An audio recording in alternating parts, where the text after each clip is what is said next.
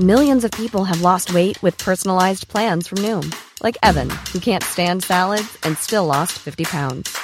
Salads, generally, for most people, are the easy button, right? For me, that wasn't an option. I never really was a salad guy. That's just not who I am. But Noom worked for me. Get your personalized plan today at Noom.com. Real Noom user compensated to provide their story. In four weeks, the typical Noom user can expect to lose one to two pounds per week. Individual results may vary. Ryan Reynolds here from Mint Mobile. With the price of just about everything going up during inflation, we thought we'd bring our prices down. So to help us, we brought in a reverse auctioneer, which is apparently a thing. Mint Mobile unlimited premium wireless. Ready to get 30, 30, bit to get 30, bit to get 20, 20, 20, bit to get 20, 20, bit to get 15, 15, 15, 15 just 15 bucks a month. So, Give it a try at mintmobile.com slash switch. $45 upfront for three months plus taxes and fees. Promo for new customers for limited time. Unlimited more than 40 gigabytes per month. Slows. Full terms at mintmobile.com. Hallå! Simon Gärdenfors heter jag och snart börjar min podcast Arkivsamtal. Som klipps av min redaktör Marcus Blomgren. Mycket nöje!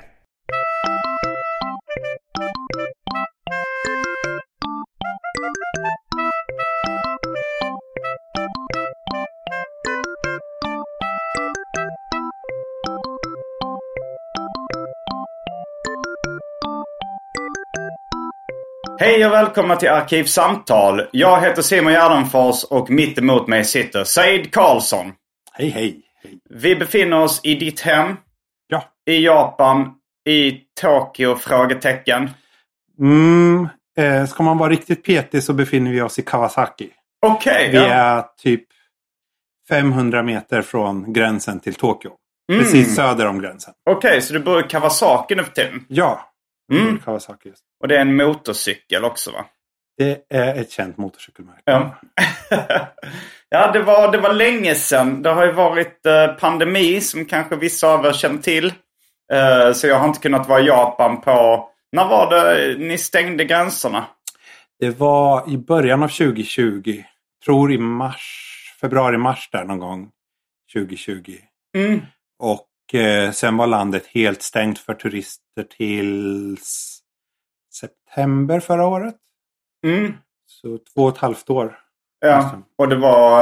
eh, Ja, jag, jag tror jag var här ganska sent. Alltså så att man kunde vara där ganska tidigt nu när de har öppnat upp. Mm. Men eh, ja, vi har kanske inte... Du var en av de tidiga gästerna i Arkivsamtal. Men för nytillkomna lyssnare kanske ändå ska presentera dig lite grann. Ja. Eh, Du är journalist i grunden. Eller fotograf ja, i grunden. Fotograf i grunden. Mm. Eh, har bott i Tokyo i 15 år nu. Mm. Eh, till och från får man väl säga. Eh, men, men i princip eh, större delen av mitt liv de senaste 15 åren. Mm. Eh, Har du bott lite i Sverige de senaste 15 åren? Ja, jag har försökt flytta hem en gång. Mm. För sju, åtta år sedan. Okej. Eh, Då bodde jag i Stockholm i ett halvår. Typ ett halvår, nio månader. Mm. Men det funkade inte. Så sen kom jag tillbaka hit. Du saknade Japan för mycket? Eller? Ja, jag saknade Japan för mycket. Och jag hade ingen egentlig plan med flytten till Sverige den gången. Nej. Jag tänkte mest att jag, jag flyttar dit så får jag se hur det Okej, du händer. flyttar hem igen till Sverige. Eller Ja. hem kanske inte är längre då. Men Nej, vad var, det, vad var det som fick dig att att tänka att du skulle göra det då?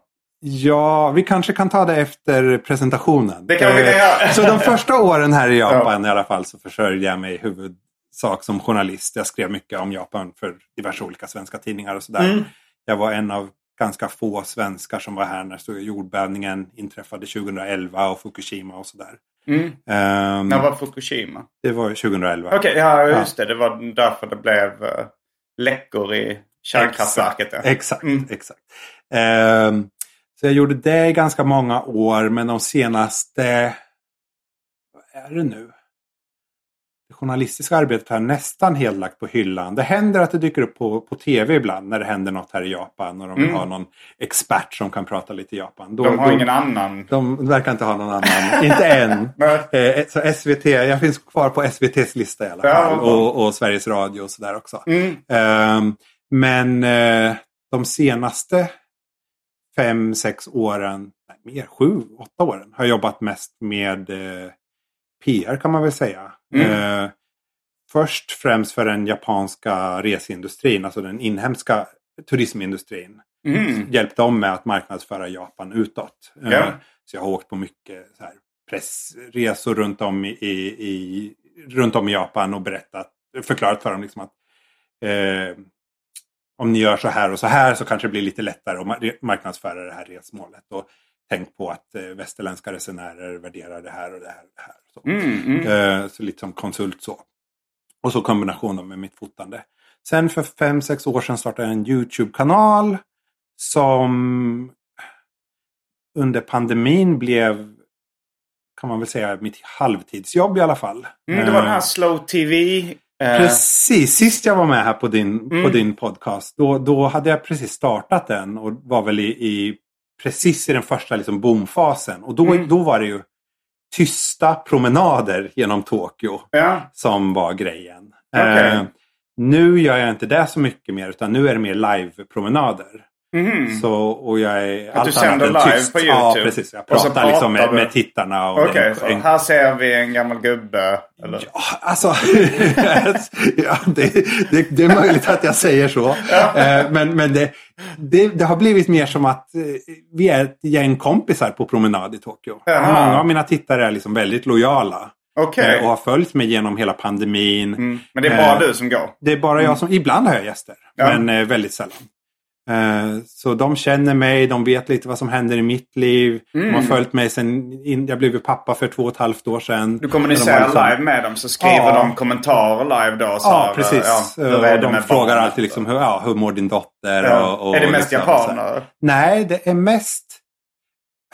Enligt YouTube-statistik så är det största landet faktiskt Japan, konstigt Mm. nog. Men, men eh, det är väldigt få japaner som interagerar med kanalen, utan det är mest västerlänningar. Mhm. Så nummer två på listan är USA. Och sen Okej. så är det lite utspritt. Det är på Eh, engelska Australien, mest då? Ja, det är på engelska och japanska. Okej, ja. Får jag kommentarer och frågor på japanska så svarar jag. Eh, men du pratar japanska eller? Jag pratar hyfsad japanska. Men alltså i uh, livesändningarna när, du går promenad? I första hand engelska. Okej, Ja. ja. Ja. Men om någon, om någon japan säger något så svarar jag på japanska. Okej, ja. Ja.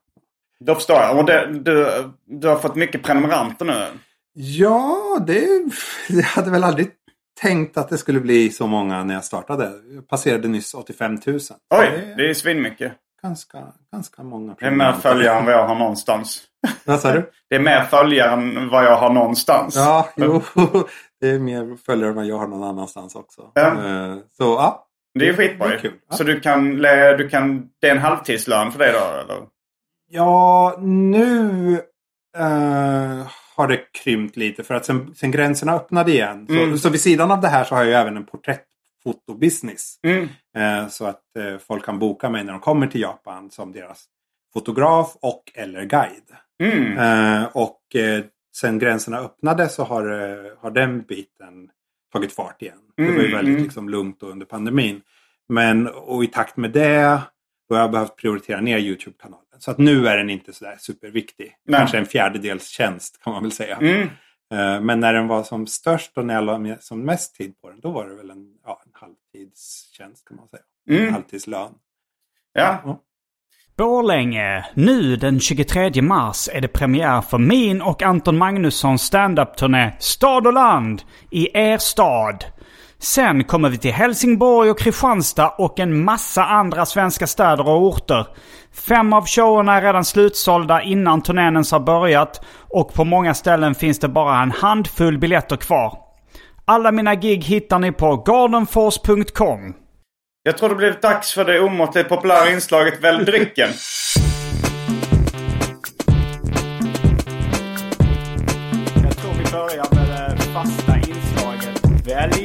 Drycken.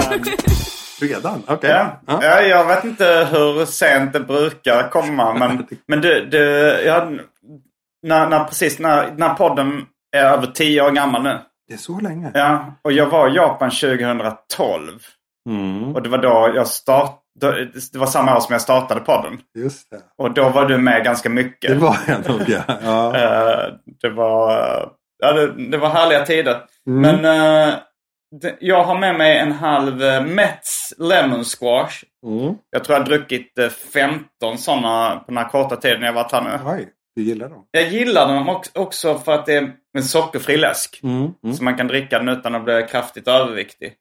eh, sen smakar den gott och eh, jag undrar om det är officiella liksom baseballlaget Mets.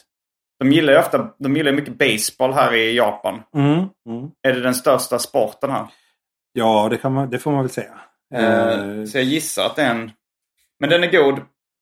Sen så för gamla tiders skull har jag tagit med en Strong Zero. mm, eh, Från en Combini, Combini som det heter. mm, Vad var det? Det var Larsson. Det Lawson. var Larsson. Ja. ja. Mm, mm. Eh, och du har en eh, sockerfri Lemon Sour. Ja, alkoholfri. Ja, jag har- ju precis eh, frisknat till från den värsta bihåleinflammation jag någonsin har haft i hela mitt liv. Har du haft många? säng- Ganska många faktiskt. När jag var Mm. liten hade jag det ganska ofta. Mm. Eh, så nu har jag varit sängliggande i nästan två veckor. Oj! Och jag fort, eh, tar fortfarande antibiotika. Så jag kan Okej. inte dricka någon alkohol. Så det Alltså får bli grejen en- är, alltså, jag, jag kommer inte pressa dig till att dricka någon alkohol. Men eh, det är en myt att eh, alkohol tar bort uh, antibiotikans funktion. Det kanske det är. Jag frågade till och med specifikt en läkare en gång och han sa så länge du inte spyr upp den så är det lugnt. Okej, okej.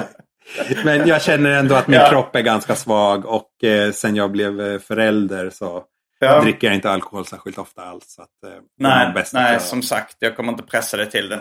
Så giss, eh, vad, vad väljer du? Ja, det får bli den alkoholfria Lemon Sour. Ja, men, men lem, alltså sour är en rätt vanlig dryck här jag märkt på Isakajerna. Mm. Så jag, jag drack en del... Jag har druckit lite pineapple sour. Alltså det är väl ofta al- det är någon slags sur alkoläsk eller vad är det? Ja, sour... Vad är sour egentligen? Alltså Det är någon snackar slags drinkbas liksom. Ja. Som, eh, som, man, ja, som man blandar. liksom, det finns ju whisky sour och amaretto sour. Då är det ofta bara alkohol, eh, äggvita och citron. Ja, och okej. socker kanske. Ja, Men eh, det känns som... Här är det mer en, en standarddryck för många liksom på, Ja. på krogen. ja, Men jag talar om Strong Zero apelsin. för gamla tiders skull. Ja, även känd som en game changer. Jag försökte förklara det för, för eh, Andrea idag. eh, just att uh, Andrea, hon, det, jag är också gift med. Det har du också gjort. Mm, Fast det hade du nog gjort precis när förra, förra avsnittet Det du var kanske med. jag precis var hade du gjort rätt då. nygift. Ja, ja. Och, är snart fem år sedan. Andrea, nej men jag förklarade att det var en game changer. Och det, ja, det är bara att man blev väldigt full snabbt Ja. av den. Att, men jag tror att det har att göra med att, att det inte är något socker i den. Så Mm. att, eh, så att liksom kroppen tar upp alkoholen direkt. Nej, jag vet inte. Ja, ja. Det kan bara vara att den är 9% och att man dricker den snabbt. Skål! Skål då! För gamla tider. Ja. Mm, ja, det är kul att, att träffa dig igen. Vi borde ju börja med någon lite sån här vad har hänt sen sist och... eh, och ja, det, du, du, du nämnde i förbifarten att du hade fått barn. Ja, ja. Mm. jag har en eh, liten dotter på två och ett halvt nu. Mm. Lycke heter hon. Lycke. Lycke. Är Det, det är ett svenskt namn då eller? Mm. Ja, fast vi kör den norska stavningen. Med två Med K? två K. Ja, ja. Ehm, Är hon tvåspråkig? ja det, det kan man väl säga. Alltså hon går, hon går på japansk dagis sen lite drygt ett år tillbaka. Mm. Ehm, Hon pratar och så japanska. det, ja, så hon pratar ju i princip bara japanska. Men jag försöker prata så mycket svenska som möjligt med henne. Och hon förstår mig när jag pratar svenska med henne. Men hon svarar på japanska. Mm. Eh, så det är lite, lite roligt. Sen finns det en del ord som hon alltid säger på svenska. Som säger till exempel tåget. Mm. Eh, okej. Inte dencha som det heter på japanska. Utan tåget. Mm. Jag såg en del svenska barnböcker liggandes här också. Ja, Men ja. pratar du japanska eller svenska med henne? Jag försöker prata så mycket svenska jag kan. Mm. Men eftersom hon svarar på japanska så blir det liksom omedveten att jag ofta Mm. pratar japanska med henne också. Ja. När jag verkligen vill att hon ska förstå så, så eh, blir det japanska. Mm. Eh, men målet är att hon ska lära sig både svenska och japanska och, och sen engelska också såklart. Då. Mm. Eh, Jag gör eh, liksom, unga japaner kan de engelska för att jag tycker inte de... Jag har varit här nu i, jag var kanske 2005 första gången. Mm. Så jag har varit här, började knuffa på 20 år sedan jag var första gången. Jag tycker Mm. inte det har blivit så stor utveckling. Att, nej, tyvärr alltså. Det är, det, de gör någonting väldigt fel i utbildningssystemet. Alla läser ju engelska i många, Mm. många år. Jag tror i alla fall fem sex år. Mm, mm. Eh, men den, den korta och enkla förklaringen som jag har eh, fått höra är att de lär sig bara läsa och skriva. Mm. Eh, inte konversation. Nej. Eh, och ofta kan inte ens deras lärare prata engelska. Nej. Ja, det har folk förklarat att det är ofta mm, problemet. mm. Så det är väl, ja det är den korta. Ja, korta och sen varianten. plus att eh, ja, men svensk, Sverige är så litet så liksom ungarna kollar ju på YouTube på engelska och sånt och lär sig via det. Men här antar jag att det finns Mm. Här finns tillräckligt allting mycket på japanska. på japanska. Exakt, exakt. Eh, så det, ja, det är väl en av fördelarna med att komma från ett litet land. Mm. Mm. Det, var, det var lite spännande att höra också hur det var i Japan under pandemin. Ja, pandemin känns ju inte helt över här ännu som den gör i, i Sverige på ett sätt. Nej. Alltså du nu, tänker kanske på att alla går runt med ansiktsmask här fortfarande eller? Ja, alltså det börjar väl. Jag hörde om att eh, man behöver inte ha ansiktsmask längre. Nej, det har, man aldrig, det har man aldrig behövt. Aldrig? Nej, Okej, det har aldrig varit något krav eller så. Nej, det, i, i Japan Okej. finns inte den... Alltså, även om de skulle vilja införa en sån lag så skulle Ja. de inte kunna göra det. Som förstår, utan det skulle liksom bryta mot grundlagen att tvinga folk att bära mask. Okej. Men däremot så är ju liksom de sociala reglerna Mm. i Japan så pass starka. Och eh, går myndigheterna ut och säger att man ska ha mask på sig så, så, så gör de flesta det. Okej. Men jag för mig, det var någon som sa att de sa nu att nu behöver ni inte ha mask längre. Att myndigheterna har sagt det. Mm, ja, de, de kommer inom kort att nedgradera liksom, eh, covid-19s liksom, sjukdomsklassificering. Mm. Från den högsta klassen till samma klass som vanlig influensa. Okej. Eh, och med det så kommer man även ta bort, och det finns ju en sån re- rekommendation att bära ansiktsmask på sig när man är i, liksom, när, när man inte Mm. kan hålla avstånd till all, andra och när man är inomhus och så. Men, Eh, men det eh, kommer de ta bort. Men redan förra sommaren så började de säga åt folk att sluta ha på sig mask utomhus. För att det är, det är så varmt här på somrarna. Ja. Och många får ju värmeslag. Alltså man kan inte andas ordentligt. Eller Okej, masken- så myndigheterna säger så- åt folk att sluta de, de, ha ja, men mask? de, de liksom rekommenderar att Mm. kom ihåg att ni behöver inte ha. Kan ni, är ni ute och kan hålla avstånd och så. Mm. Då behöver ni inte ha mask på er. Men, eh, men det var, verkar inte vara så många som lyssnade på det. Nej, Eh, men man känner ju alltså. Jag, jag har inte mask på mig så ofta här. Jag, tycker, jag är så ovan vid det eftersom liksom vi inte behövt ha det i Sverige. Mm. Men, och, men jag har hört många som snackar om att eh, den sociala pressen är så stor. Mm. Att eh, det är väldigt få som har det. Och man, man, man känner ändå av det. Liksom när man kommer in på en... eh, jag skulle säga att det är 95 till 99 procent som har ansiktsmask. Speciellt på tunnelbanan och, och sådär. Eh, men alltså, jag har det ibland på tunnelbanan och ibland eh, på andra ställen också här. Men, men eh, det, ja, det beror lite på liksom. Men jag känner också, det är många som säger så här, "Men jag, jag, att folk bryr sig mer om vad folk tycker än om sjukdomen. Liksom, att det är mer, Men så är det nog. Alltså Mm. de, de flesta eh, har det nog för att ja, de är rädda att sticka ut annars. Mm. Och liksom att, att det ser dåligt ut. Mm. Eh, så jag föregår lite med gott exempel då. Att Ja. inte... nej, men, men eh, och sen nu har de pratat en del på, på japansk tv faktiskt om att väldigt många har blivit så vana vid att ha mask på sig. Mm. Så att nu känner folk ett, obehag av att, att, att, att ta av den. Det, det känns... Man känner sig naken. Ja, vissa de har till och med kallat det för kauno pants. Alltså kalsonger för ansiktet eller under, underbyxor för ansiktet. Ja, ja, eh, och att liksom vissa känner någon slags... Eh, ja, känner sig nakna helt enkelt Mm. och går ut utan den. Och det kan jag känna igen. Alltså de första gångerna, jag har varit i Sverige de senaste två somrarna. Och varje gång när jag kom till, tillbaka till Sverige där ingen har, har haft mask på sig. Eh, då har jag känt mig jättekonstig liksom, jag har gått runt utan mask. För att Mm. jag har blivit så van vid det. Här. Men, eh, men nu känns det ändå som att det är fler som går runt utan mask även här i Japan. Ja. Jämfört med för ett år sedan eller bara ett halvår sedan. Mm. Det känns ändå som att många, framförallt yngre japaner, börjar bli rätt trötta på det. Mm. Så, ja. Mm, du skulle återkomma till det här eh, snabba vändan i Sverige eh, efter presentationen. Så du var lite det. nyfiken på. Du, du flyttade till, var det, var det innan du gifte dig och sådär? Ja, det var det. Det var det. Eh, det var innan jag gifte mig. Men eh, Vilket år var det du var i Sverige då sa du? jag minns inte exakt, men kanske 2015. Mm.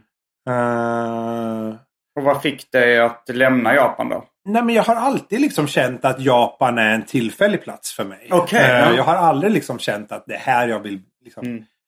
leva och, och bli gammal och gå i pension och dö. Mm, hur känner du nu då? Alltså jag känner faktiskt fortfarande så. Mm. Och jag, efter då den vändan hem till Mm. Sverige. eh, Då liksom, så bara, ja men okej, Japan är ändå rätt gött liksom. Jag, Mm. Framförallt så handlar det för mig om att när jag är här så kan jag jobba med grejer som jag tycker är himla kul. Alltså Mm. jag har den här fotobusinessen, jag kan skriver och, och liksom gör lite nyhetsrelaterade jobb Mm. och, och sådär. Medans då flyttar jag hem till Sverige så har jag helt andra liksom. Alltså min största skill är att jag kan Japan och japanska och den skillen är ganska värdelös i Sverige. Mm. Ehm, De tydliga USP här i Ja, Japan. Mm. ja. Eh, men eh, så då, då kom jag tillbaka hit i alla fall och kände att ja, men jag, jag stannar i Japan ett tag till och det är ändå rätt gött här.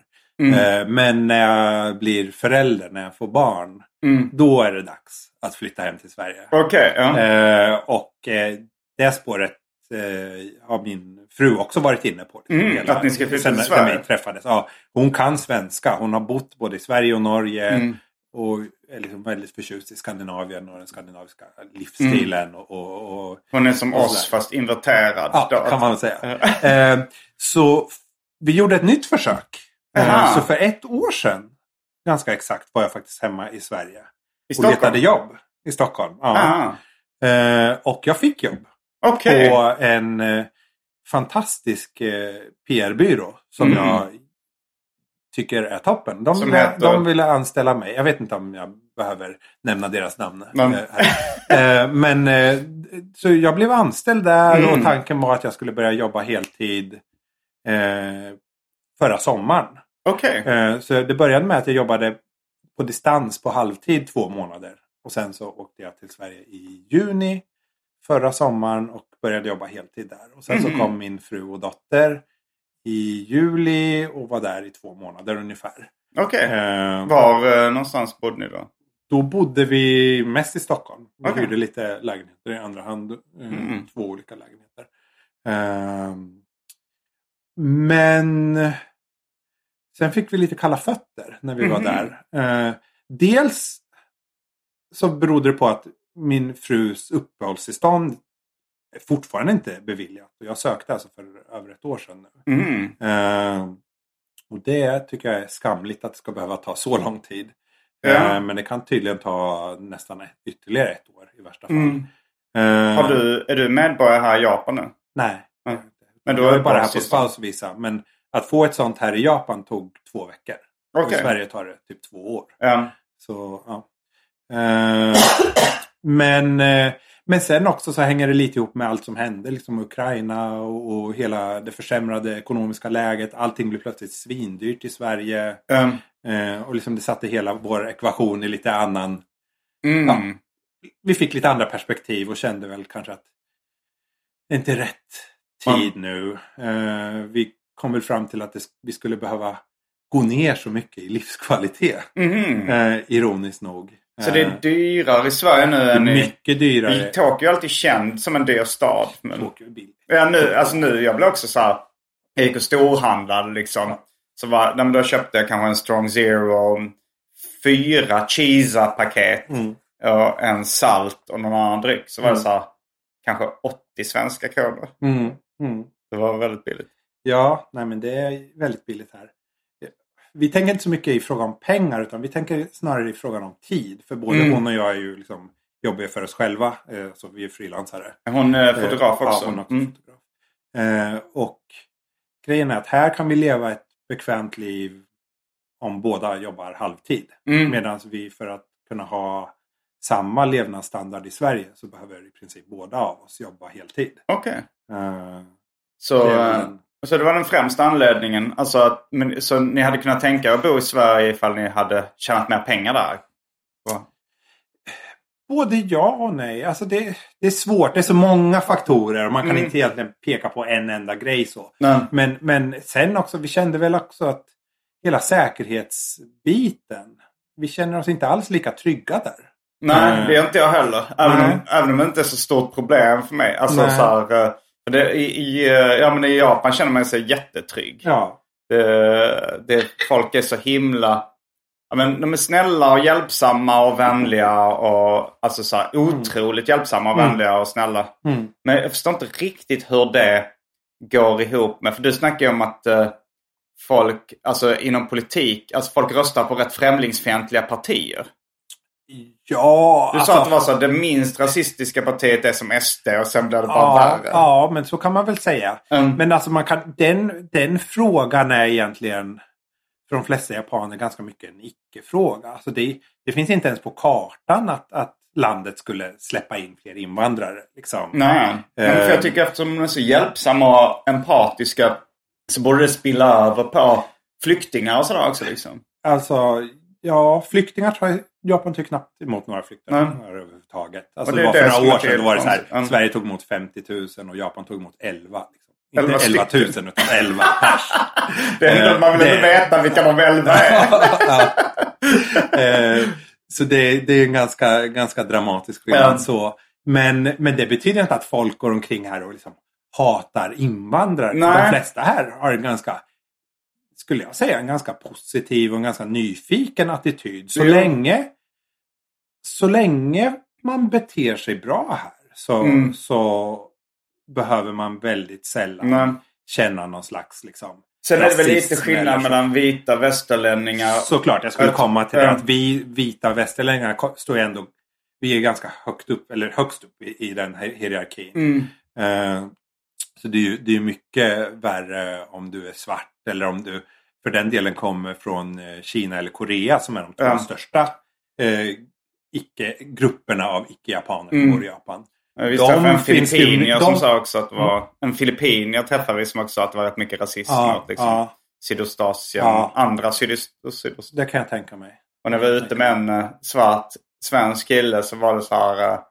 eh, Eh, nå- några ställen som var så här, eh, liksom håller upp ett kryss så var man Mm. Japanese only. Japanese. Ja. Alltså så här, då är det ändå lite smårassigt. Ja, eller storrassigt kan man Jo, det. jag har faktiskt aldrig upplevt det. Eh, Men, men det är kanske vit västerlänning. ja, ja Att det är det- ju det. Så att, jag menar, det, det, är- det är komplicerat. För att Mm. med det sagt så är det ju också så att när du bor i Japan som icke-japan Mm. så måste du acceptera att du aldrig kommer bli sedd som en fullvärdig medlem av samhället. Mm. Du kommer aldrig liksom bli sedd som en likvärdig. Eh, och det är liksom ingen egentligen om du frågar gemene man på gatan så tror jag inte någon skulle komma på tanken att ja, men varför, skulle man liksom, varför, skulle, varför skulle du göra det? Du är ju inte en japan. Det är Nej. liksom så djupt ingrott här. Men vad, Eh. vad menas med likvärdig då? Eller vad, vad är det för, för, för fördelar du inte skulle kunna åtnjuta? Alltså det klassiska exemplet är ju att hyra lägenhet. Okej. Det är fortfarande en, ett område där du har det väldigt tufft som, som icke-japan. Mm, men om du, även om du blir medborgare Ja. så kan Eh, du inte göra det? Nej, nej, det spelar ingen roll hur, hur bra din japanska är och, och hur länge du har bott här eller om du för den delen har ett japanskt pass. Eh, det kommer vara väl en ganska betydande majoritet av, av hyresvärdarna som inte vill hyra ut till dig. Och varför tror du inte de vill göra det? Fördomar, alltså tankar om att Alltså det är ofta ganska så här, fåniga saker men i Japan så sorterar man sitt, sitt skräp. Ja. Och det finns ganska tydliga regler om att liksom brännbart avfall ska ställas utanför huset mellan klockan 07.30 till 8.00 varje tisdag och torsdag. Mm. Ehm, och de här reglerna är folk väldigt liksom, noga med att hålla. Mm. Ehm, och ofta så känner hyresvärdar att ja, men det, de, de, utlänningar förstår inte hur det här funkar. Och de, Mm. de kommer inte följa reglerna. Vissa tycker att liksom, utlänningar lagar konstig ma- mat som luktar starkt. Mm. Ehm, Mm. och sådär. Alltså det, det, så, där, där tittar ju den liksom rasistiska biten fram. Mm. Ehm, Men... eh, eh, och sen också till exempel om du inte är japan och letar jobb här i Japan. Mm. Då kommer du ganska snabbt stöta på att väldigt många jobb är enbart för japaner. Mm. Att det är liksom vissa positioner och så som är, de är tänkta för, för icke-japaner. Mm. Men, men den stora breda massan eh, liksom, av, av positioner, de, det är för japaner enbart. Mm. Eh, och sådär. Eh, Det låter som gammal klassisk rasism. ja, jo, det är det. Det, är det ju. Ja. Ehm, det, det kan man väl eh, lugnt påstå att, att det är.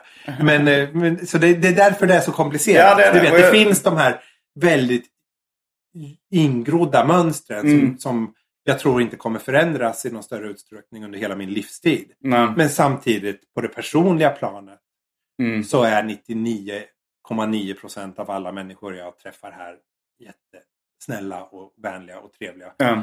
Mer så än i Sverige. Absolut. Ja, så har det varit för mig också. Liksom Mm. alla... Mm. Jag har träffat bara en bufflig japan. Ja, Eh, I alla fall på den här resan. Han var så här... eh, Han sa så här, I'm a movie producer. Och sen så liksom verkligen så här buff, alltså knuffade sig fram i rummet och var ganska så här... Det var på en bar. Och så, han, var- han, var- han, jag vet inte, han körde det verkligen som en gimmick nästan att vara en buffel. Liksom. Ah, ja. Ja, ja. Han, den personen är ju lite, lite speciell. Jo, han stack Ja. ut väldigt Ja. mycket. Det var, vad är det här? Och de andra japanerna var väldigt rädda för honom. Liksom. Tyckte det var obehagligt. Mm, mm, mm. Men hur var det liksom under pandemin? Var det lockdowns och sånt mycket här i Japan? Alltså var det inomhus eller var det mer... lockdowns kan man väl inte säga att det var. Utan det de hade var ju, de kallade det för state of emergency. Mm. Och det, de blev liksom gradvis mindre och mindre allvarliga. Men första gången det blev state of emergency då tror jag de bad folk att bara liksom åka till kontoret om man verkligen Mm. måste. Eh, och restauranger och barer fick inte sälja alkohol efter klockan Men de var öppna ändå? sex. De var öppna. Mm. Eh, Alla affärer och sånt var öppna? Ska vi se, det är så, lång, det är så länge sedan. Jag, jag tror att första gången så var det faktiskt en, en hel del affärer och, och varuhus och sådär som höll Mm. stängt i några veckor eller kanske någon månad till och Mm. med. Men var det, kon- Eh. det var inga konserter eller? Nej, nej det var det ju inte. Det var det inte. Och det fanns väl lite regler om hur många människor som fick Mm. vistas i samma Det lokal. var ganska likt Sverige då ändå. Ja. Eh, Eh, Jag Ja. trodde att det var mer alltså, strikt här eftersom... Men det kan väl inte vara? nej. Hey, I'm Ryan Reynolds. Recently, I asked Mint Mobile's legal team if big wireless companies are allowed to raise prices due to inflation. They said yes. And then when I asked if raising prices technically violates those onerous two year contracts, they said, What the f are you talking about, you insane Hollywood ass? F- So to recap, we're cutting the price of Mint Unlimited from $30 a month to just $15 a month. Give it a try at mintmobile.com slash switch. $45 upfront for three months plus taxes and fees. Promo rate for new customers for limited time. Unlimited more than 40 gigabytes per month. Slows. Full terms at mintmobile.com.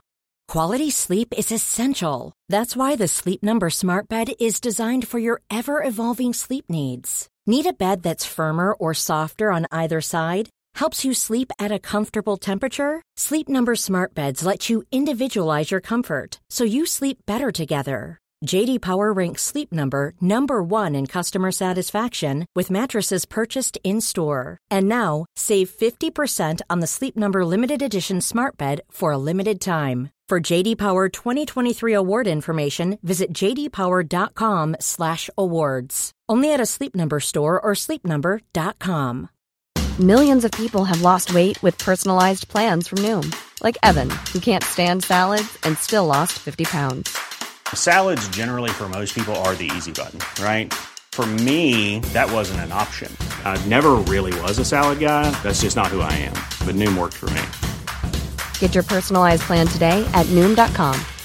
Real Noom user compensated to provide their story. In four weeks, the typical Noom user can expect to lose one to two pounds per week. Individual results may vary.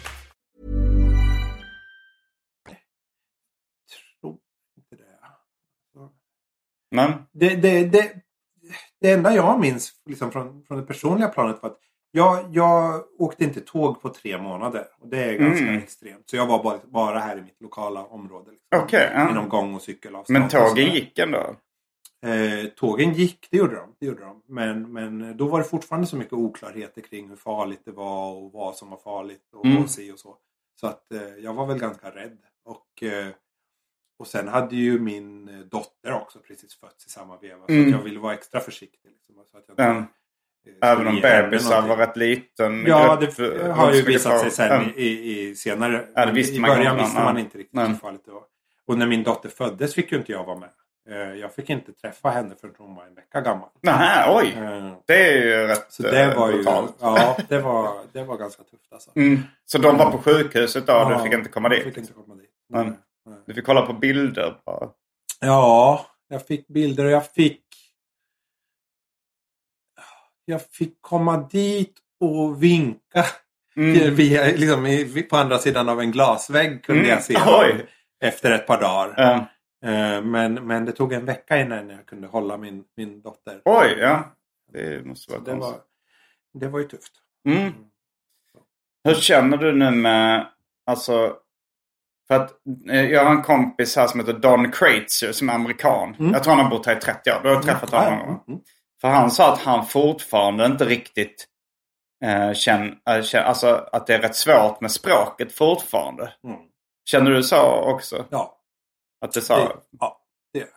Eh, Det är ju en av liksom, de konstanta frustrationsmomenten med att bo här. Mm. Alltså vanliga vardagskonversationer är inga problem. Nej. Men så fort det blir mer komplicerat än så, då, då är det tufft. Alltså. Eh, Som nu när jag var sjuk till exempel. mm. Det, jag hade kunnat gå till doktorn själv och Mm. liksom fått förklarat vad jag ville ha sagt och så. Det, det tror jag, det skulle jag klara utan problem. Men liksom alla frågor som doktorn skulle ställa till mig och så på, och använda terminologi, liksom sjukdomstermer och så. Liksom. Mm. Bi, jag vet inte vad bihåla heter på, på japanska. Nej. Liksom. Och du kan inte bara Ja. Google Translate eller... Det är klart, det, det går ju. Ja. Om man kommer ganska långt den vägen. Men det gör, gör ju ändå att det alltid blir ett extra liksom, friktionsmoment i Ja. alla, i alla sådana här vardagssituationer som ändå upp, Mm. uppstår. Liksom. Jag tyckte det var svårt bara i USA. Det var så här, okej man ska köpa en huvudvärkstablett. Så här, paracetamol heter någonting annat Ja. i USA. Bara så här, va, vad är det här? Det, Mm. Liksom, man trodde, det låter ju, det Mm. låter, trodde jag inte skulle heta något annat. Mm. Nej, och sen, men, men sen har jag också, jag har inte pluggat tillräckligt. Alltså jag gick på språkskola ett år i början Mm. av min tid här i Japan. Och sen har jag läst ett par eh, universitetskurser i japanska också på Mm. distans. Eh, och sen lite självstudier. Ja. Men jag har ju aldrig jobbat på en japansk arbetsplats till exempel. Jag har ju alltid haft människor runt om mig som i första hand har pratat engelska. Mm. Eh, så att jag har liksom aldrig... Jag tror min erfarenhet i Japan är kanske ändå lite speciell. Alltså de flesta som flyttar hit eh, kommer ju tids nog att, ja, att ha ett vanligt jobb så att säga. Eh, Mm. och då liksom tvingas du lära dig Just en det. massa nytt. Och du har Men jag har, liksom, jag har alltid jobbat, ja, jag har alltid varit liksom egenföretagare och jobbat för mig själv och sådär. Så att jag har aldrig liksom tvingats in i den. Jag, har, jag, jag är ju jättedålig på den här artiga japanskan. Liksom, Mm, som är ett mm. måste i alla business-sammanhang. Ja. Eh, men som jag aldrig har haft något eh, större behov av att, att kunna. Eh, och när jag behöver det då, då har jag anlitat en tolk. Liksom, för att Mm. Då har det varit för att jag har gjort någon intervju för någon tidning eller så. Mm. Mm. Alternativt så hjälper ju min fru mig. Mm. Det är ju också så nackdelen med att liksom, ha en, en japansk eh, partner. Att, Men ni, pratar all, ni har alltid pratat japanska med varandra? nej, nej, nej, nej. Vi pratar, alltså, vi pratar en mix av alla tre språken. Pratar hon lite svenska också? Hon pratar svenska också. Mm. Jag skulle säga att hennes svenska är ungefär på samma nivå som min japanska. Okej. Eh, ja. Så den är rätt bra. Mm. Och ni eh, pratar lite engelska, lite japanska, lite Ja, svenska? 50% engelska, 25-25 svenska, Mm. japanska. Okej. Eh, Så att ja, det är en salig blandning och ibland liksom kan vi använda alla tre språken i en och samma mening. Mm. Man använder det, liksom, det som är smidigast för just det ja. ändamålet. Vissa grejer är mycket lättare att prata om på japanska till exempel. Mm. Medan det motsatta är sant för andra grejer. Mm. Så, ja. Har just börjat använda den här eh, Google Translate där man bara filmar ett ord. Eller där man bara fotka- man håller upp mobilen mot ett... Eh, men om det är en meny till exempel så håller man mobilen över så att den filmar det ordet. Och eh, så översätts det till svenska direkt. Liksom. Det, det tog, mig, tog mig lite tid. För, förra gången jag var här så hade jag inte... Jag vet inte om den funktionen hade kommit då eller inte var tillräckligt ut, utvecklad. Men nu, det, nu är det första gången jag verkligen så har börjat använda den. Det, är ganska, det funkar ganska bra. Ja, ganska bra. Och då, då fick jag också så här känslan att wow, nu kan jag läsa alla de här serierna jag har drömt om att läsa. Det, det finns till exempel en serie som heter Dokudami Tenement. Som, eh, den är från 80-talet och handlar om en japansk slacker i stort sett. Okej. Alltså för er som har hört poddarna om Joe Matt sådär, så är det ganska mycket som en Joe Matt i Japan. Alltså han är en sån slusk, han är alkoholiserad, han är lösaktig. Det, han, det tar, han tar upp mycket ämnen som är liksom ganska provokativa för japaner. Eh, men om hiv och yakuzan och Ja. eh, missbruk. och det, det är en del så här homosexualitet och transfrågor och sånt också liksom. Men uh, ur ett sånt här riktigt low life perspektiv. Han bor liksom, han är, en- han är sunkig. Men det, det, det, det fanns tre volymer av dem på engelska. Som är rätt svåra att få tag på. Eh, men jag läste dem och efter ett tag bara tänkte jag fy fan vad bra det här är. Det var skit, det var något av det bästa jag läst. Och sen så såg jag att det fanns svinmycket på japanska. Men, eh, men jag kunde inte japanska. Nej. Men nu, har jag, nu köpte jag eh, fyra volymer på Mandarak och försöker liksom läsa dem med, med Funkar Google det att läsa, Translate. läsa manga med Google Translate? Det funkar sådär. Man kan hänga med ganska mycket men det, det är, även om man kan, även om glosorna blir översatta så är det ju liksom så här, ja, men mycket som är så här bildligt språk som inte jag fattar överhuvudtaget. Alltså det kanske står så här eh, Solen skiner eh, eh, i mitt hjärta. Det fattar man väl då att någon är glad eller liksom. Eller men... Nej, Men om sen det är kan stå- japanska Sen motsvarigheter. kan det stå så här, det är, så här, de ska gå in på något badhus och så är det någon tjej som är så här, eh, vill inte gå in och så säger han Den här pappan är impotent. och då tänker jag okej, pappan syftar nog på gubben då. Och jag gissar att impotent syftar på impotent eller att han, att han inte är intresserad av tjejer. Men här, det är svårt att fatta lite liksom ändå. Även om...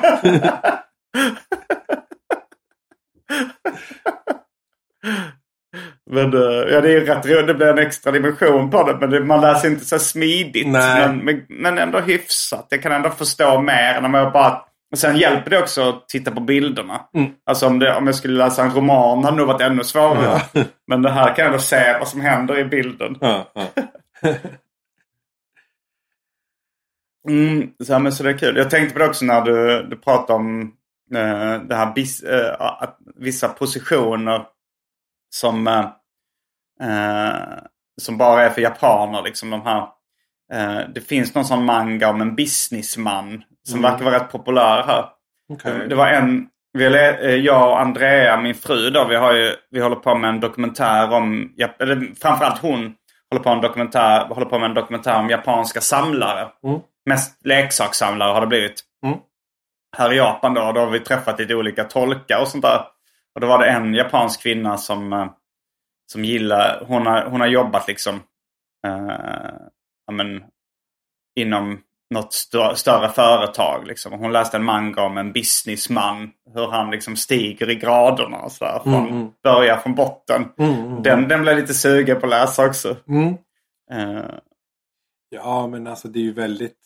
Jag är ju inget stort serie eller manga-fan själv, men, men jag kan tänka mig att det måste vara väldigt intressant för att det finns ju alltså, så många olika serier som, som verkligen ja, men speglar hur livet är i Japan och, och som folk känner, sig, känner igen sig i den japanska vardagen. Eh, Så att det är säkert intressant som en liksom, kulturstudie. Mm, det är det verkligen. Ja, vi, vi har varit i eh, Nagano Prefecture och filmat mycket eh, galna, eller ja. Det är svårt att säga om de är galna, men, men liksom så extrema samlare som har verk, verkligen så här eh, rum. Det är vissa som har egna hus för sina samlingar. Mm. Jag tror det, det är lättare då att, att ha råd med ett, eh, ett hus. Alltså här inne i Tokyo är det så himla dyrt att bo. Det är lite dyrt att bo här ja. Mm. Så, så där, eh, visst, där har vi träffat några samlare som har liksom vardagsrummen fyllda och sånt där. Men, Mm.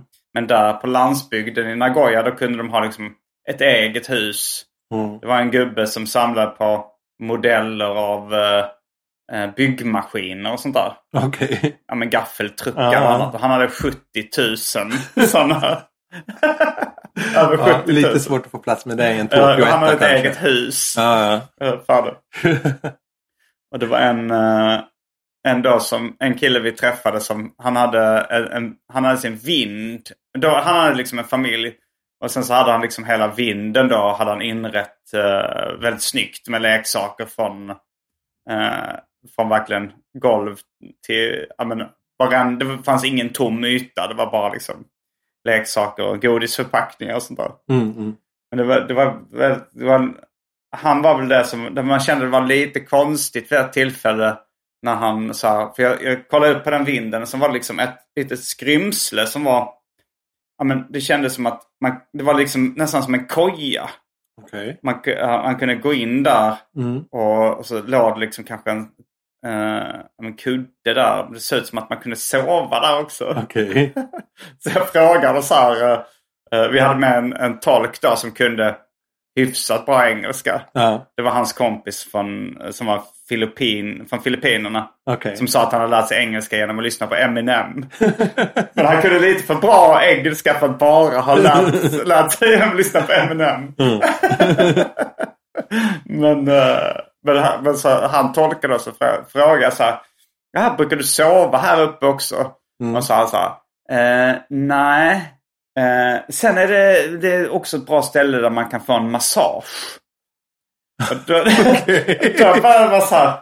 Jag, jag och Andrea pratade om det efteråt. Att, att det väcker en del sexuella tankar på något Ja. sätt. Och det kändes som det var lite för litet för två pers. Okej. Men, Alltså speciellt om man ska ge en massage. men, men jag var väldigt svårt att föreställa mig vad han gjorde där.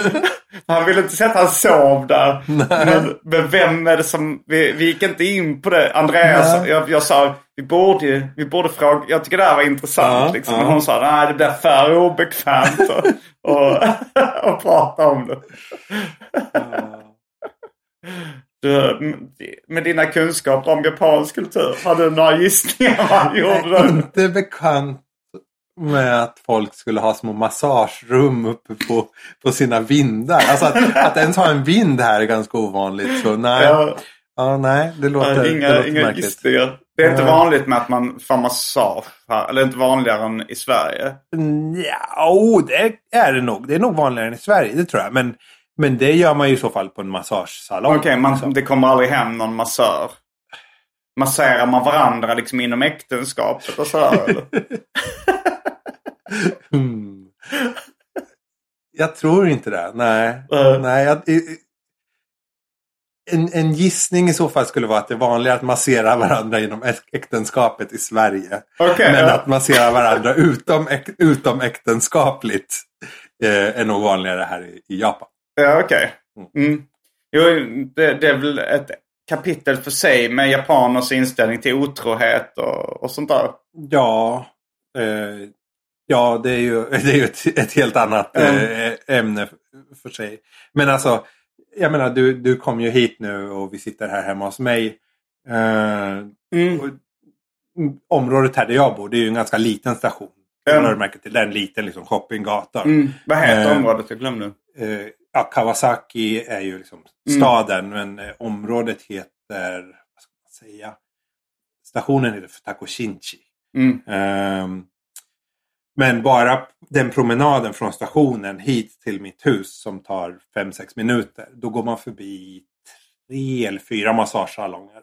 Okej. Alltså det är vanliga, Ja, vanliga ja, massagesalonger. okej, ja. inga, inga, konstiga, inga konstigheter utan Nej. vanliga. Så.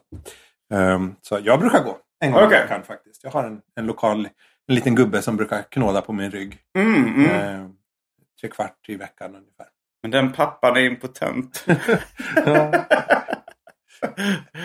Uh, det, det, det, det, blev en intressant gåta i alla fall med det här. uh, det var han, uh, Don Kreitzer. Uh, han, vi gick förbi någon sån här... Uh, men, Tenga väl någon sån här liksom, lösfitteföretag Ja, från Japan. ja, ja. Han sa så här, känner ni till det här? Det har blivit jävligt stort i Japan på sista tiden. Mm. Är det, vad, vad har du för, för erfarenheter av det? Nej, men det är ett Är det stort... accepterat? Det, det, har väl blivit ett, ett liksom, lite av ett populärkulturellt fenomen. Alltså, De har varit ganska smarta i sin marknadsföring och har liksom samarbetat med, med influencers. Inte liksom genom att marknadsföra den faktiska produkten utan mer att, att öka med, medvetenheten. Med, medvetande, Medvetenheten. medvetenheten, så heter det, eh, om varumärket. Mm, Eh, mm. och, och liksom, de har ju ganska här, stilrena och snygga förpackningar. Och Mm. liksom, det, är ingen, det ser inte snuskigt ut liksom, Nej. när du ser dem där i butikshyllorna. De säljer dem i, i jag tror till och med vissa convenience stores. Har Mm. liksom, eh, ser ut som, vad ska man säga, ser ut som en läskburk En deodorant. ungefär. Ja, eller en deodorant. stor deodorant. Ja, ja. Jo, men det, det Eh. kan, de kan försöka göra det lika socialt accepterat som dildos Jo, men jag tror det. för Jag tjejer. tror det. Liksom. Jag tror det. Jag tror det. Mm. Eh, och de har liksom deras, alltså här i Japan så är ju en vanlig så här, slogan är No something something, no life. Mm, så. No music, no life. Det har jag ju, sett. eh, Uh, vad heter den stora skivaffären i Shibuya? Mhm. Eh, Tower Records. um, no Eh, ramen, no life ja. har jag sett också. Ja, no. Och Tenga har gjort liksom No Tenga No Life t-shirt. som jag har sett förvånansvärt mycket liksom ute i det, i det offentliga. Eh, så på, på liksom... Flashlights i USA försökte säkert säga. Jag, jag, min förebild inom poddandet var ju länge Kevin Smith. Och han hade mycket sponsor från Flashlight då. Okej. Som, liksom, Mm. som är den amerikanska motsvarigheten. I Sverige har inte... aha, är det inget lösfitteföretag som har blivit så stort? Nej, än vad jag vet. Det Nej. kanske hänger i fel kretsar. Men... kan tänka mig att jag, jag tror nog att Tenga skulle kunna slå i Sverige. Jo, jo det Eh, finns faktiskt. i Sverige. Alltså, Ja. jag, jag, har, jag ska inte nämna några namn, men eh, en svensk man har pratat om att han har testat dem. Ja.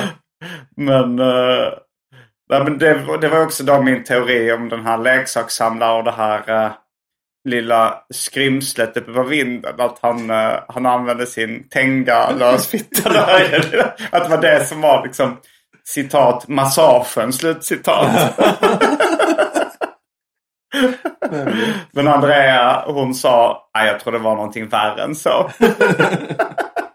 Men det var, det var svårt. Det var Får lämna den. eh, Det är. En cliffhanger. Ja. En av Asiens många cliffhangers. Hur länge har du varit här nu? Den här gången? um, jag har varit här två veckor nu. Okej. Och ni, du brukar vara hur länge? Uh, ja, det har varit väl lite olika hur länge jag brukar vara här. Men, eh, men vi ska vara här i en vecka till ungefär. Okej. tio dagar till. Okej.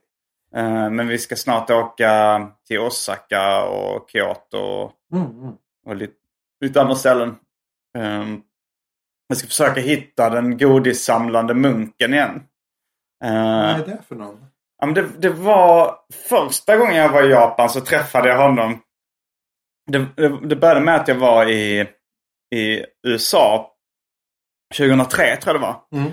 Eh, och då så hade jag fått ett intresse för godisförpackningar och den estetiken. Liksom jag börjat samla på sådana. Och, och, och så, så, hälsade, så hade jag upptäckt en bok som hette Crazy Kids Foods. Okej. Som var liksom en uh, coffee table bok från Taschen, det förlaget. Mm, Där de, eh, det var väldigt, liksom, det var precis min estetik. Right up my alley liksom med, med, med godisförpackningar och, och, och den typen av grejer. Mm. Och då använde jag det mycket som inspiration också för eh, mina serier jag tecknar då. Eh, och Dan Goodsell het, hette den mannen som hade liksom satt ihop den här boken. Okej. Och när jag var då i USA så hälsade jag på honom och kollade på hans samling och snackade lite med honom. Och så frågade jag så är du intresserad av japanska godisförpackningar och sånt också? Och sa han, ja jo det är jag, men det är ganska svårt att få tag på. Mm. Men så berättade han om någon kompis i den här liksom förpackningssamlar-fandom som hade berättat så här, men det finns, i Japan har jag hört att det finns en munk som har liksom ett litet museum med godisförpackningar och gamla leksaker. Från, från 40-talet typ och 50-talet. Ah, okej. Som då eh, eh, ligger i Senkuji-templet utanför Osaka. Okej. Så sen 2005 så fick jag ett stipendium då, då via Svenska institutet, Japanstiftelsen. Mm, mm. För att åka till Japan. Och då så sökte jag upp den här, det här templet. Och gjorde en liten intervju. Men då, då filmade jag inget eller liksom spelade inte in ljudet. Nej. Utan bara, vänta jag måste bara hosta. bara snacka lite med den här munken. Mm. Och eh, han hade liksom ganska liten, men han, han byggde även liksom audio, audiovisuella upplevelser med så här, buddhistiska helvetet. Så hade han typ någon animatronics-gubbe, någon djävul. Det var ljud och ljus och... Alltså det var ett coolt tempel. Mm, Han var en flippig jävel. Speciellt för att vara munk. Eh, och jag frågade honom så här, hur går det ihop om man är munk? Eh, Ska man inte, får man inte bara äga fyra saker och sådär? Men hans förklaring då var Jo, men jag har inte den här samlingen för min egen skull. Utan det är för om det kommer barn till templet och, och hälsar på. Då tycker de det är kul att kolla på det. Riktigt slapp undanflykt. Uh, ja, men så till den här dokumentären som vi håller på med nu om, om samlare så hade det varit guld att få med den godissamlade munken. Ja. Men det är svårt att kontakta honom.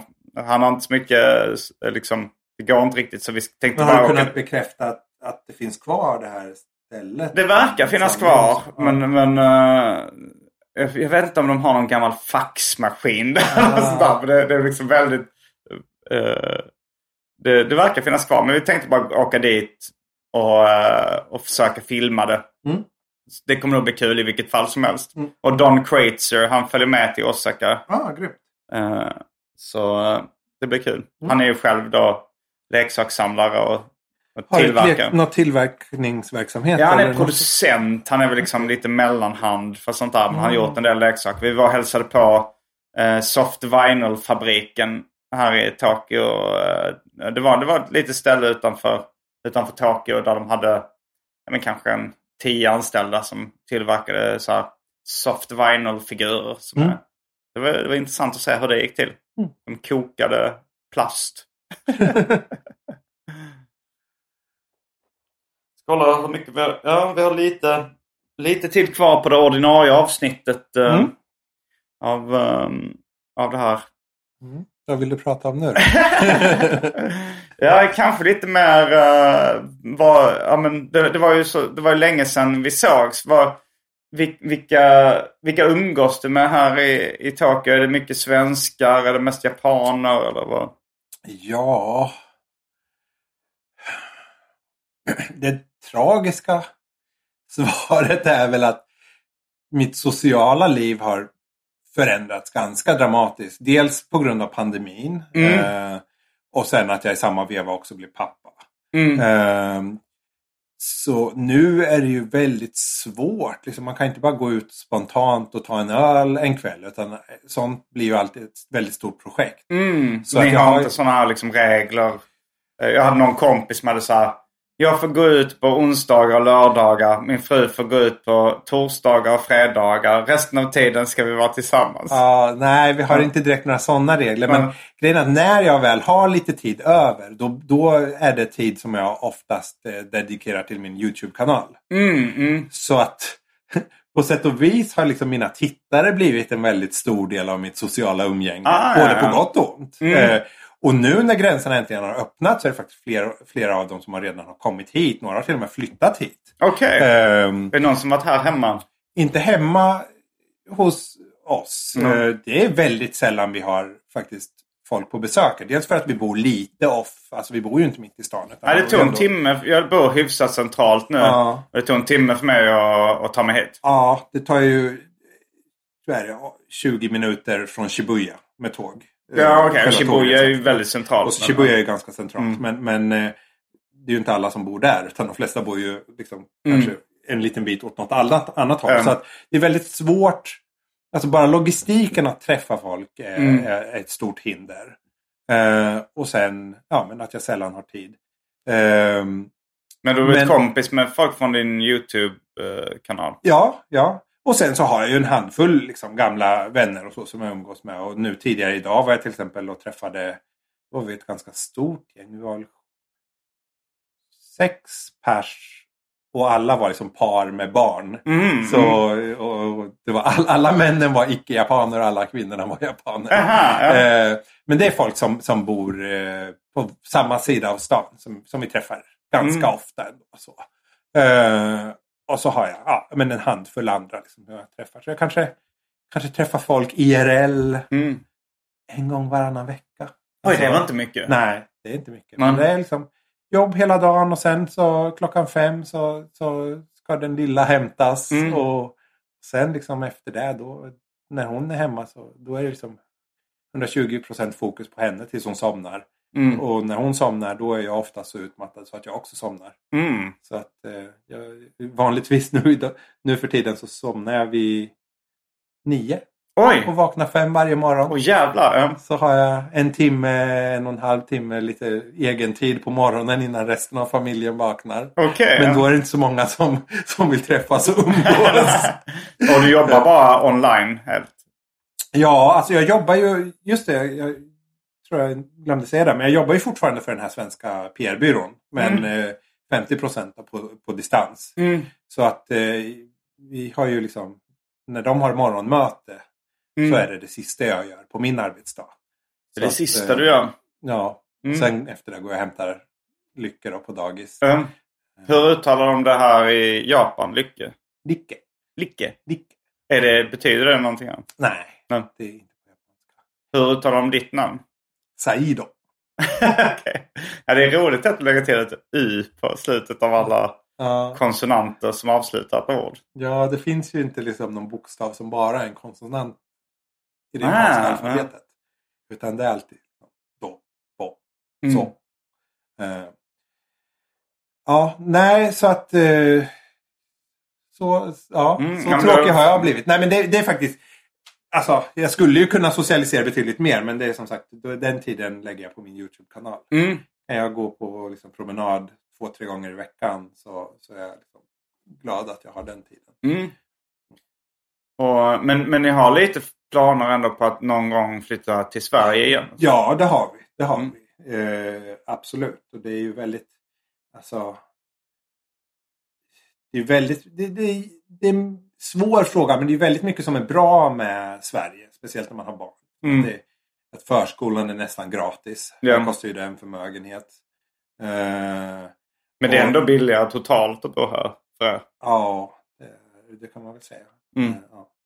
Ehm, och eh, framförallt det jag saknar mest och som jag vill att Lycke ska kunna uppleva mest det är den svenska naturen. Mm. Alltså att här när vi bor här, visst det finns ju mycket fina parker och så i, Mm. i, i Tokyo men det är ändå inte samma sak. Alltså jag, I Sverige så har du ju alltid en skog runt knuten. Ja.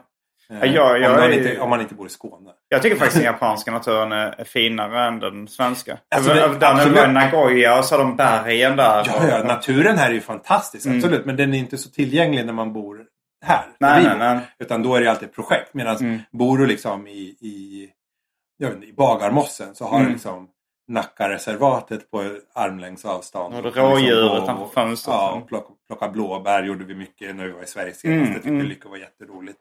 Eh, och sådär. Så att här finns det ju lite liksom parker och så, men det är inte riktigt samma sak. Nej. Eh, Jag träffade en japansk kvinna som hade pluggat i Sverige. Här, eh, och hon älskade Sverige. Så frågade jag vad tycker du är bäst om med Sverige? Plocka svamp. Mm. Men det är ju det är en sån där typisk sån grej som man som svensk inte tänker så mycket på kanske. Nej. Men när man har bott i ett land som Japan där man inte Mm. kan gå ut och plocka svamp eller blåbär för den Mm. delen. Eh, då, då inser man hur liksom, fantastiskt och speciellt det är. Mm. Eh, och, ja. Så Men du är, ingen, du, är inte, du är inte så jättematintresserad har jag fått intrycket av. Alltså jag tänker så här, skulle du sak, sak, du sak, nämnde liksom inte japanska maten med saker du saknar och så. Nej, fast det, det gör jag absolut. Och det, Mm. varje gång jag åker hem till Sverige så blir jag förbannad. Mm. För att allting är så dyrt och så dåligt. Mm. Eh, eller... Alltså, om vi pratar om lägre prisklasserna. Du kan ju Mm. äta jättebra mat i Sverige också. Men då blir du ju ruinerad. Och du tycker inte det har blivit bättre i Sverige? Det, Alltså- det är dyrt. Alltså, alltså, det, det är Det så kanske har blivit bättre men Mm. allt är ju relativt. Det är Mm. fortfarande liksom du får betala två till tre gånger så mycket för en skål nudlar som i bästa fall är okej i Mm. Sverige. Eller nej, okej. Det, det, var, det var lite o, uh, oschysst. Det, det, det finns, du kan få bra nudlar i Ja. Sverige. Men Du snackar måste om ramen nu. Ja, Mm. ramen. Eh, men i alla fall dubbelt så dyrt som här. Mm. Jo det är det ju. Här kan du få en skål för 70 spänn som är Ja. bättre än, eh, eh, den du betalar 230 spänn för i Sverige. Ja, ja. Eh, och samma gäller ju sushi. Och liksom, jag älskar japansk mat Mm. i alla dess former. Jag tycker det japanska köket är det bästa i världen. Så att, liksom, även om det bara handlar om en, en gudon liksom, för 500 yen. Alltså en sån här skål Udon? med, gudon, skål med ris och kött. Ja, Eh. heter inte det donburi? Jo, det är donburi. Eh, det är samma sak kan man säga. Eh, Mm. Men eh, att, liksom, att kunna gå ut och få ett, ett vettigt mål mat för 40 kronor. Mm. Det finns ju inte på kartan i Sverige. Det är liksom en halvdan lunch för 140 kanske. Ja. i, då är det liksom billigt med svenska mått mätt. Så att det är ju en, en stor skillnad. Så. Jag är inte direkt någon så matsnobb. Liksom. Jag går inte runt och, och jag har inte koll på de häftigaste och bästa ramenrestaurangerna. här. Ja. Utan för mig så räcker den billiga lokala nudelrestaurangen Mm. räcker gott. Liksom. Du var ett fan av Yoshinoya? Nej, nej det har jag aldrig varit. Ja, men, eh, för tio år sedan sa du att det var en av dina favoritställen att käka. Inte Yoshi. I, I så fall så var det nog eh, Matsuya. Som Aha. är en av konkurrenterna till Yoshinoya. Okej, de riktigt Eh. inbitna lyssnarna av Arkivsamtal Ja. får gå tillbaka Ja, till de här avsnitten gå- och se ifall, eh, ifall Said har sagt att han älskar Yoshinoya. Yoshinoya har aldrig varit någon, av- någon favorit faktiskt. Eh, Matsuya? Okej. Matsuya i så fall. Matsuya Ja. eller Sukiya. Tycker jag. Bå, Okej, båda de ja. är bättre än Yoshinoya. Ja, det kan vara ett mitt minne som sviker också. Men vi får, vi får se. Det finns säkert någon som pallar ta på sig det.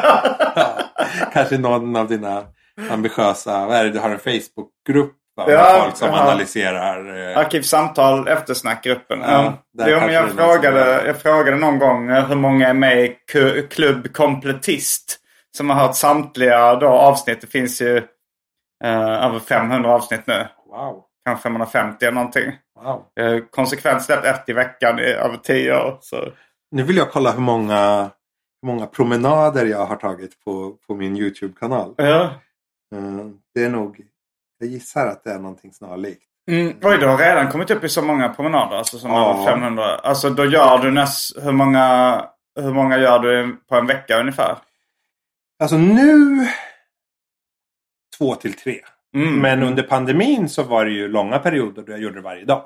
Mm, mm. För att jag hade inte så mycket annat att göra. Eh, 804 åh herregud. videor 804. ligger det på min kanal. Um, Tokyo Explorer för övrigt. eh, Mm. Om någon lyssnare är intresserad. Eh, ja. Ja, det låter spännande. Jag, jag såg ju på de här med tysta promenader men jag har inte hängt med sen du började prata. Nej. Eh, kan- Man kan väl säga att kanalen har ändrat karaktär en hel, Mm. en hel del.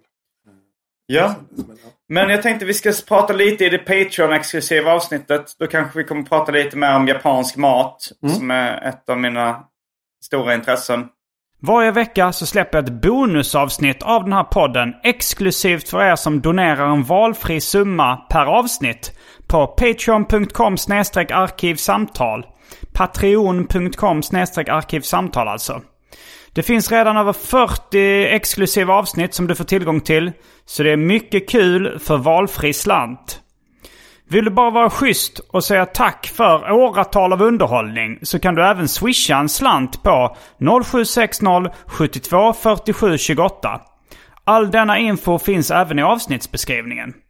Och glöm inte att följa mig på Instagram och andra sociala medier. Där bjuds det på gratis skämt och mycket annat.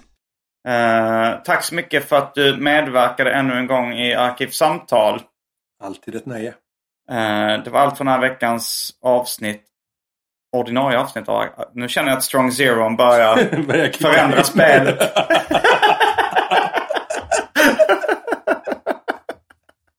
Jag har svept hela nu. Ja. Ordinarie avsnitt. Wow. Så jag får gå över till lemon squash. Ja. Ehm, jag heter Simon Gärdenfors. Said Karlsson. Fullbordat samtal.